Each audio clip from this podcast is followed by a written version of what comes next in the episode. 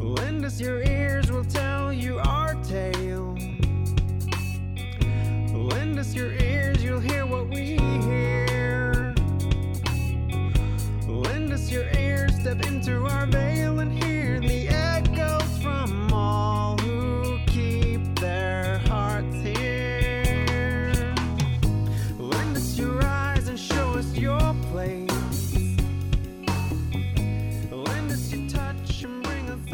Hej och välkomna till eh, ännu ett poddavsnitt.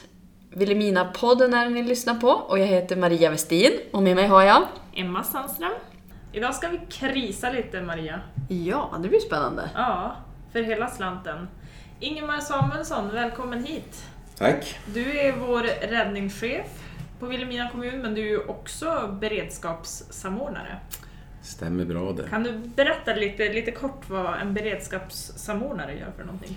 Ja, men beredskapssamordnaren den, den är ju den i kommunen som samordnar all typ av förebyggande arbete när det gäller krisberedskap och är även då katalysatorn i arbetet när det gäller under en kris, som exempelvis stabschef. Då. Och jag är också den som följer upp kriser och händelser för att eh, vidta åtgärder och förbättra vår förmåga. Och vi har ju tagit hit dig idag, höll jag på att säga. Vi har gått ner till dig. Vi sitter i ert stabschefsrum. Ja, det är vår ledningscentral. Ledningscentral. Vi sitter i er ledningscentral idag nere på räddningstjänsten.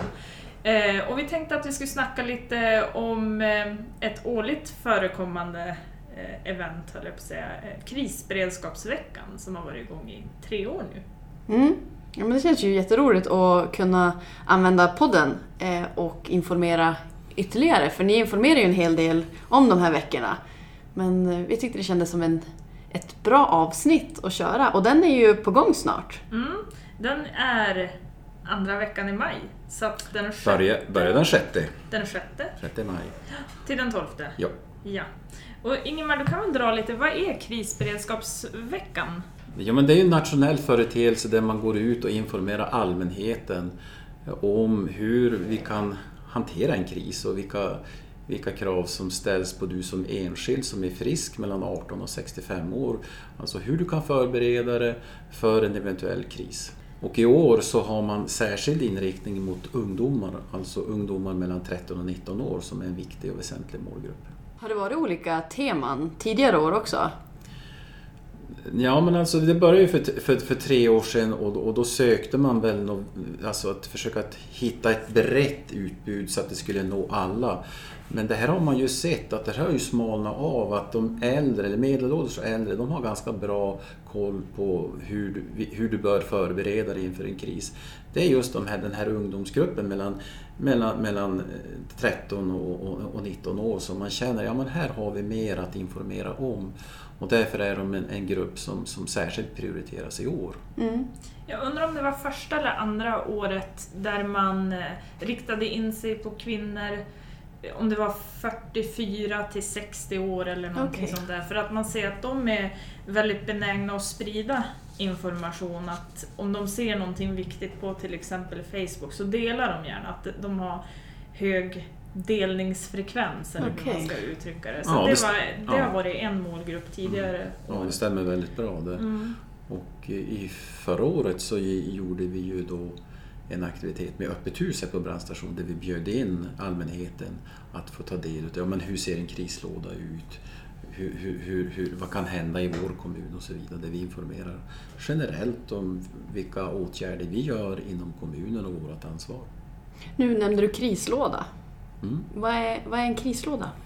Ja, men en krislåda kan se lite olika ut. Och, men, men huvudtemat det är ju att du har någon form av värme, egen värmeförsörjning. Att du, kan, att du har vattendunkar så du kan hämta vatten antingen på kommunala hämtningspunkter eller att du har egen brunn.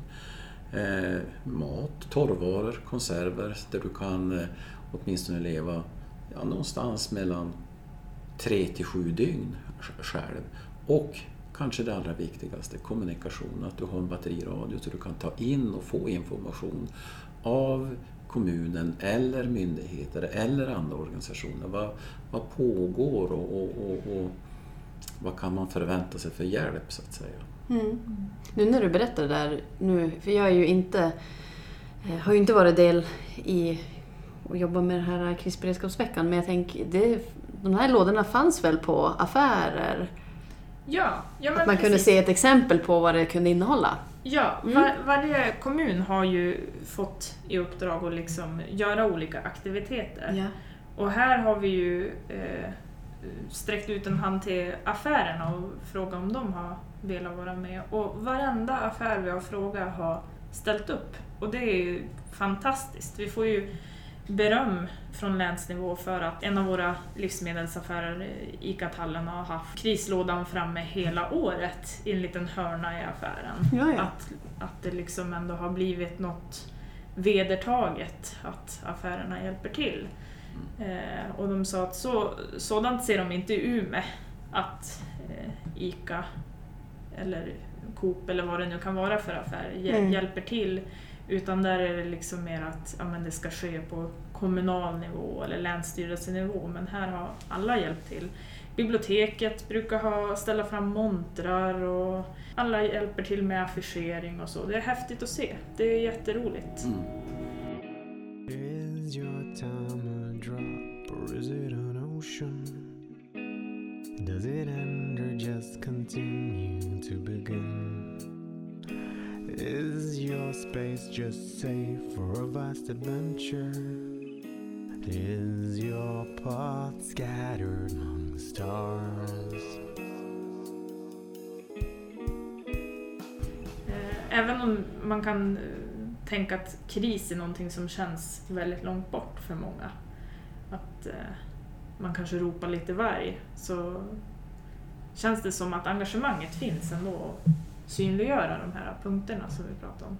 Jo men det är ju helt rätt och som sagt var, vi lever ju i en omvärld som är orolig och eh, även om Sverige är ett tryggt land att leva i och vi har ett ganska robust samhälle så har vi ju ändå de sista åren varit med om lång, långvariga elavbrott. Jag tar exempelvis stormen Hilde då där, där vi var då stora delar av kommunen var utan ström i flera dygn.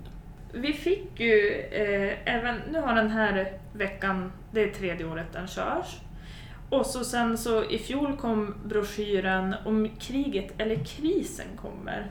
Och man, det var ju lite surr i fikarummen och man hörde lite, jag har hört någon annan podd där man sitter och diskuterar att vad ska man bli orolig nu? Ska man bli rädd? Va- varför gör man de här åtgärderna på det stora hela? Ja, men det är, två, det är två separata åtgärder från riksdag och regering. Ehm, det ena, det vi har pratat om krisberedskapsveckan, det handlar mer om ehm, krisberedskap och om det blir en allvarlig störning eller, eller en, en överhängande allvarlig störning på samhällsviktig verksamhet. Det är en del som kommunen och medborgarna ska förbereda sig mot.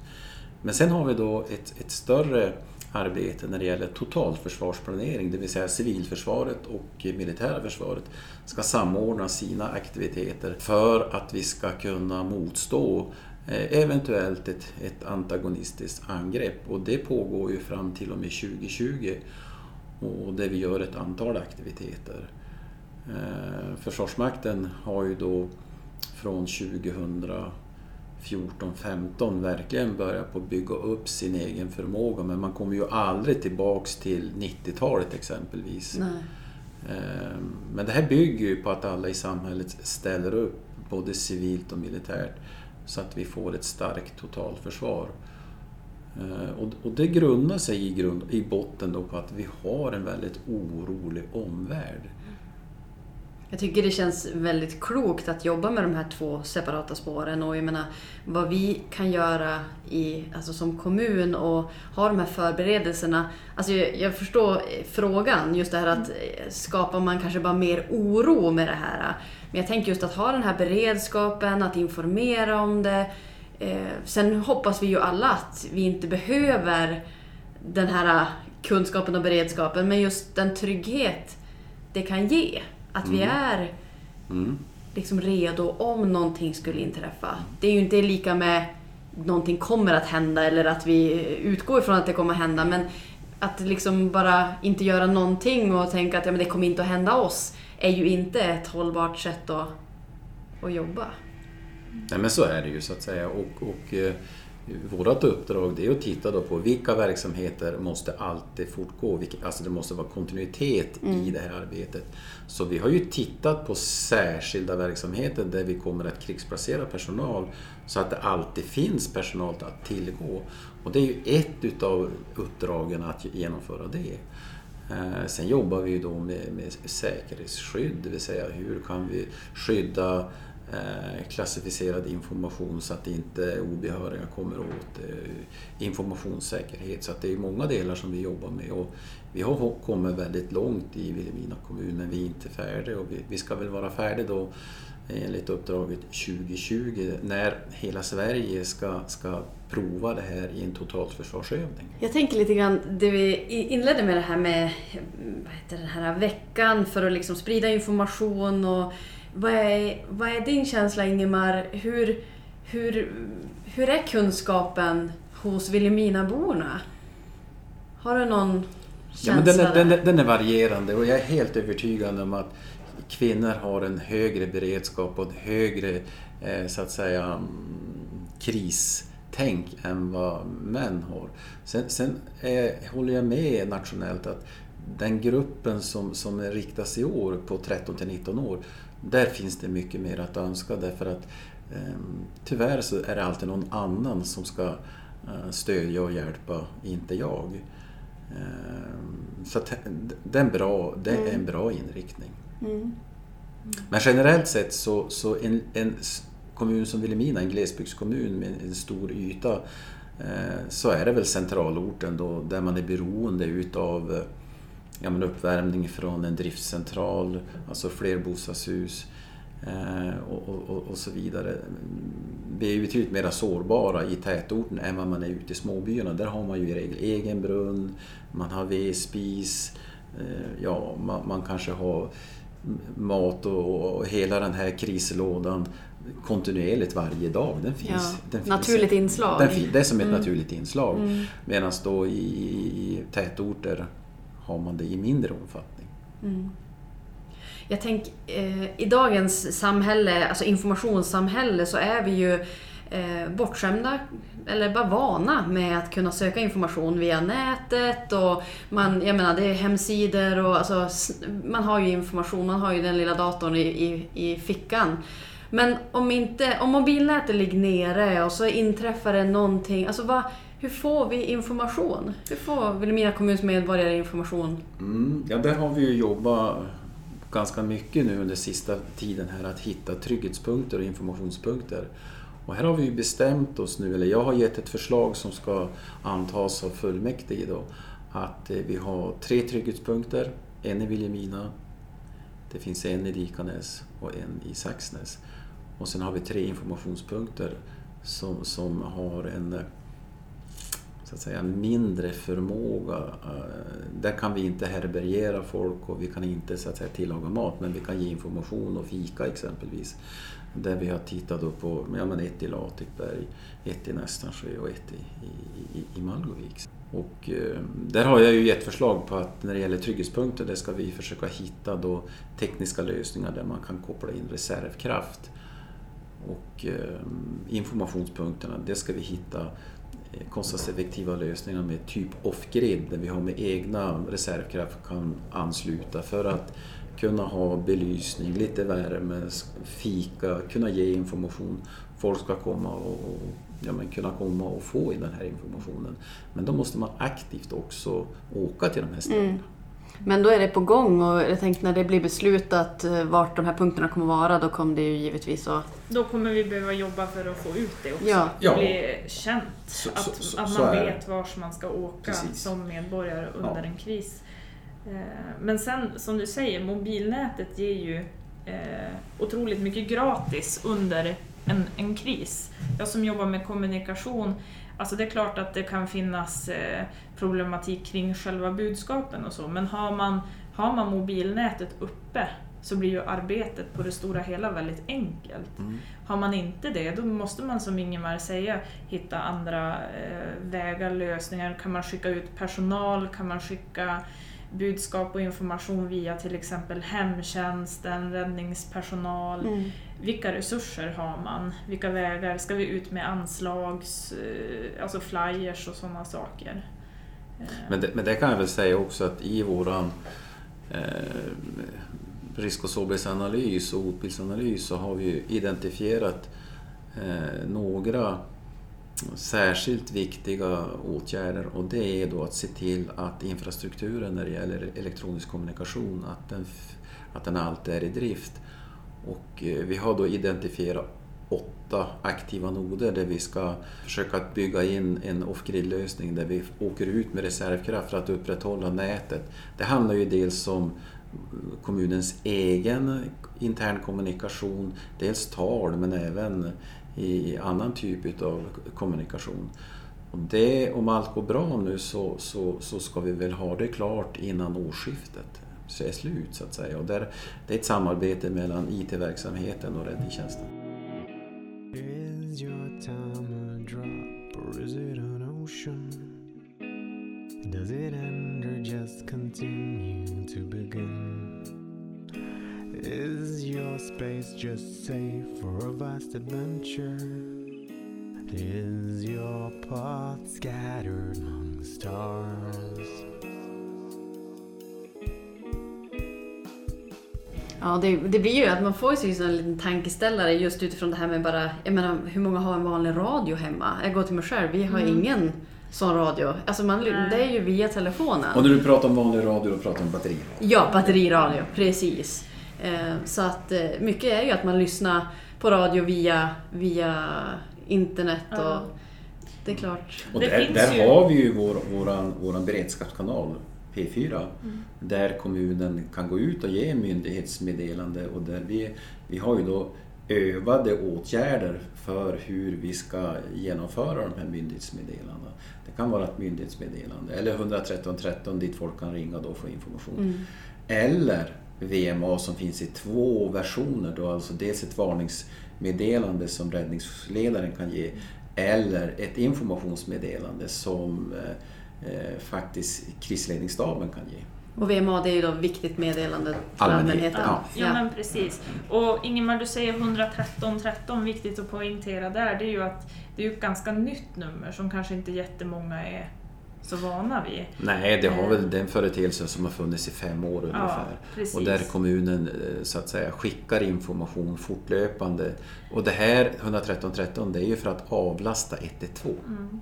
Ja. Här har man som sagt, även fast det är under samma tak, det är samma organisation, 113 13 och 112, så har man liksom delat upp för att kunna avlasta Mm. varandra. Mm. Alltså ni ska ju veta att busringningar och felringningar på 112 är ju jättestora i Sverige.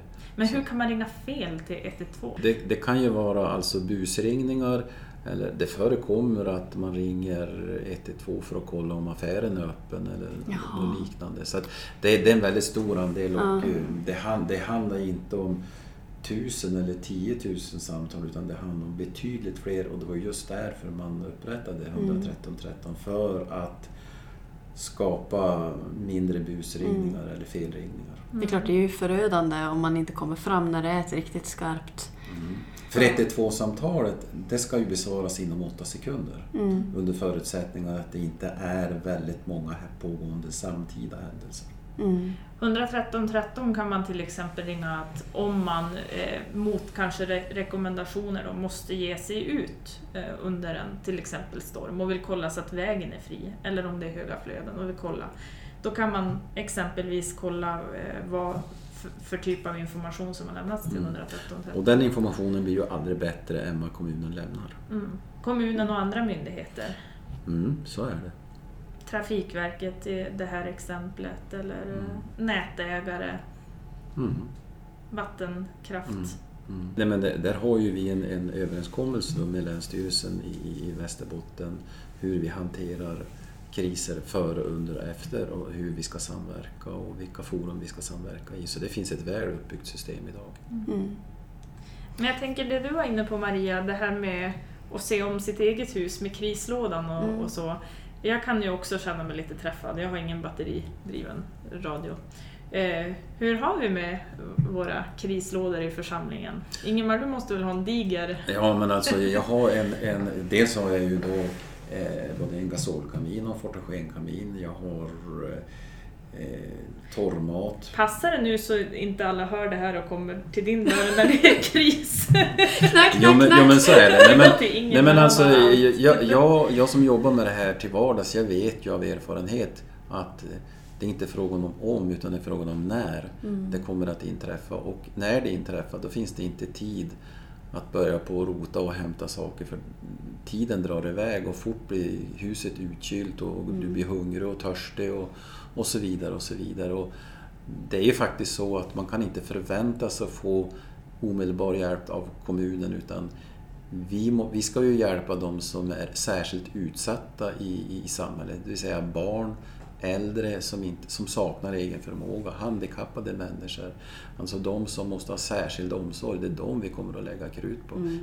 Vi, vi måste förvänta oss att den enskilde medborgaren tar sitt ansvar och eh, har en egen krisberedskap. Men självfallet, alltså mycket utav arbetet i krisberedskap, det handlar om information.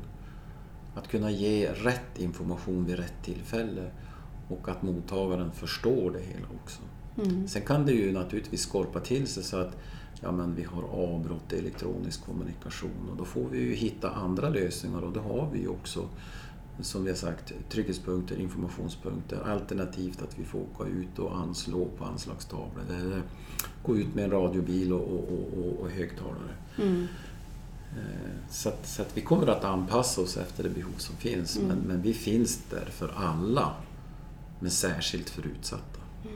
Nej, jag bor ju i en by, så det är väl lite grann det du är inne på. Att det är lite, vi som bor i byar har väl ofta lite mer av det som behövs. Och vi har ju kamin, så att, och vi har ordentligt med björkved och vi har bäck och kallkällor för vatten och skafferier. Jag vet inte, det är väl sisådär.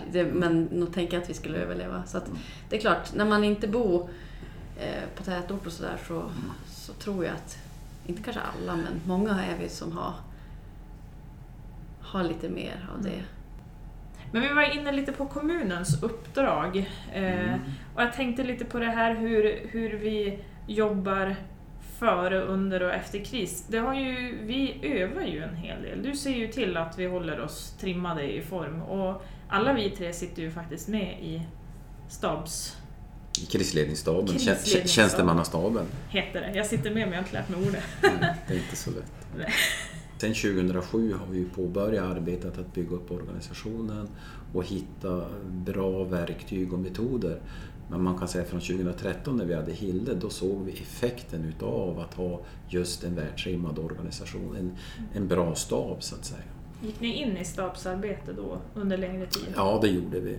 Eh, Det var faktiskt så att eh, på lördag kväll när när det var riktigt besvärligt och när det hade blåst ner ordentligt så, så tog jag kontakt med vår kommunchef och jag sa jag följer händelsen och på söndag morgon då var det ju riktigt illa.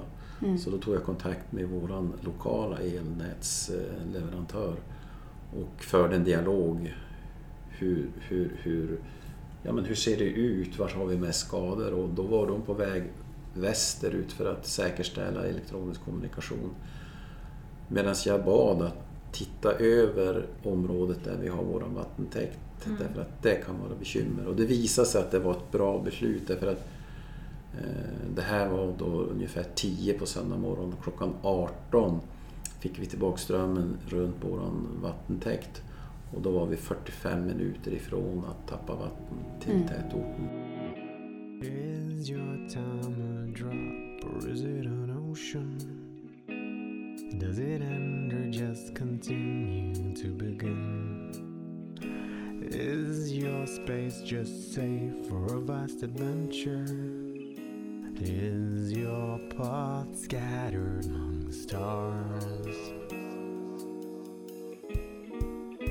När det gäller övningar så vi övar ju tjänstemannastaben tre gånger per år. Två gånger per år så övar vi teknik och metod och en gång per år så övar vi scenario eller, eller eh, seminarieövning. Och det ska ju då spegla vår risk och sårbarhetsanalys. Och till dags dato så har vi nog gått igenom samtliga övningar. I, eh, februari så övade vi en regional samverkansövning där vi var särskilt utsatt kommun. Där vi övade omfattande mark och skogsbrand. Mm. Som vi tycker jag genomförde på ett förtjänstfullt sätt. Så att vi är duktiga att jobba i stab. Men det har ju varit långvarig träning och övning.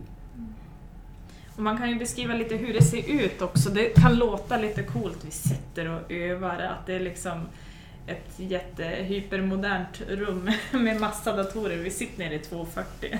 Ett av konferensrummen i kommunhuset. Eh, ja, Mm. en, ett riktigt gammalt trotjänarrum Ja. där det inte finns så... Eh, men där sätter vi upp lite mobila stationer. Eh, alltså, Men vi har ju förberett oss det vi kallar i en stabsdoktrin, det vill säga vi har då utpekad personal, utpekade stabslag. Vi har sagt att vi ska vara, eh, ha en funktion minst sju dygn med egen redundanta system. Vi har reservkraft. Eh, Vi har funktioner i, i staben. Vi har en servicefunktion. Vi har en analysfunktion, en informationsfunktion. Vi har också en funktion med inkommande samtal. Vi har en stabschef som har utpekade roller och ansvar. Och vi har även styrdokument som stödjer oss i det här arbetet så att säga. Så att vi kan nog hantera det mesta men Sen är jag att förglömma så har vi ju faktiskt en eh, krisledningsnämnd också som kopplas på när det krävs eh, beslut från högre. Ja men det är ju så att eh, vi har ju då en tjänsteman i beredskap och det är ju då räddningschef i beredskap i tre kommuner, Åsele, Dorotea och Vilhelmina. Så att får vi vetskap om att nu är det någonting på gång eller att det har inträffat något stort som kan påverka samhället, då kontaktar vi kommunchefen och, kommunche och informerar om läget. Kommunchefen tar det med sig till eh, KS-ordförande eller likvärdig och för en dialog och KS-ordföranden beslutar om man ska gå in i krisledning eller inte. Fattar fatta ordförandena eh, beslut om att, att kommunen ska gå in i krisledning, ja, men då aktiverar vi så att säga, krisledningsnämnden och krisledningsstaben och det innebär då att krisledningsnämnden övertar allt ansvar över alla andra nämnder. Man kan besluta över socialnämnden, över skolan och så vidare. Men jag tänker så här, alltså det här just med krisberedskapsveckan, det känns ju som ett jättebra initiativ. Eh, och att det är liksom ett återkommande inslag. Och jag tänkte det som kommer att hända, det kommer att komma lite information i våra, alltså på Facebook, alltså lite grann i de kanaler vi har. Om jag uppfattar det rätt. Ja, Så det är ju lite grann att hålla utkik om man vill läsa mer. Har ni något annat något tips? Vart, vart kan man läsa? Är det vår hemsida? Är det andra? Vart Det, det finns en väldigt bra hemsida, dinsäkerhet.se. Eh, Där har man väldigt bra information och den uppdateras ju regelbundet så den information som finns där ska ju vara riktig. Mm. Sen har vi ju även ett, ett avsnitt om det här på vår egen hemsida också. Mm. Under kommun och politik och krisberedskap tror jag Mm. den ligger. Ja. Mm.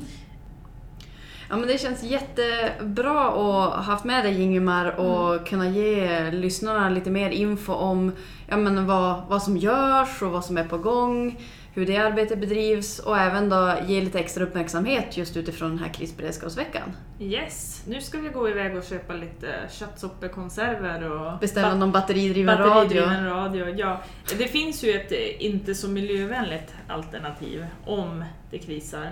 Eh, och det är ju att starta bilen, eh, bilradion, så länge man har bilbatteriet. Ja, ja. Mm. Men som sagt, inte så miljövänligt kanske. Nej.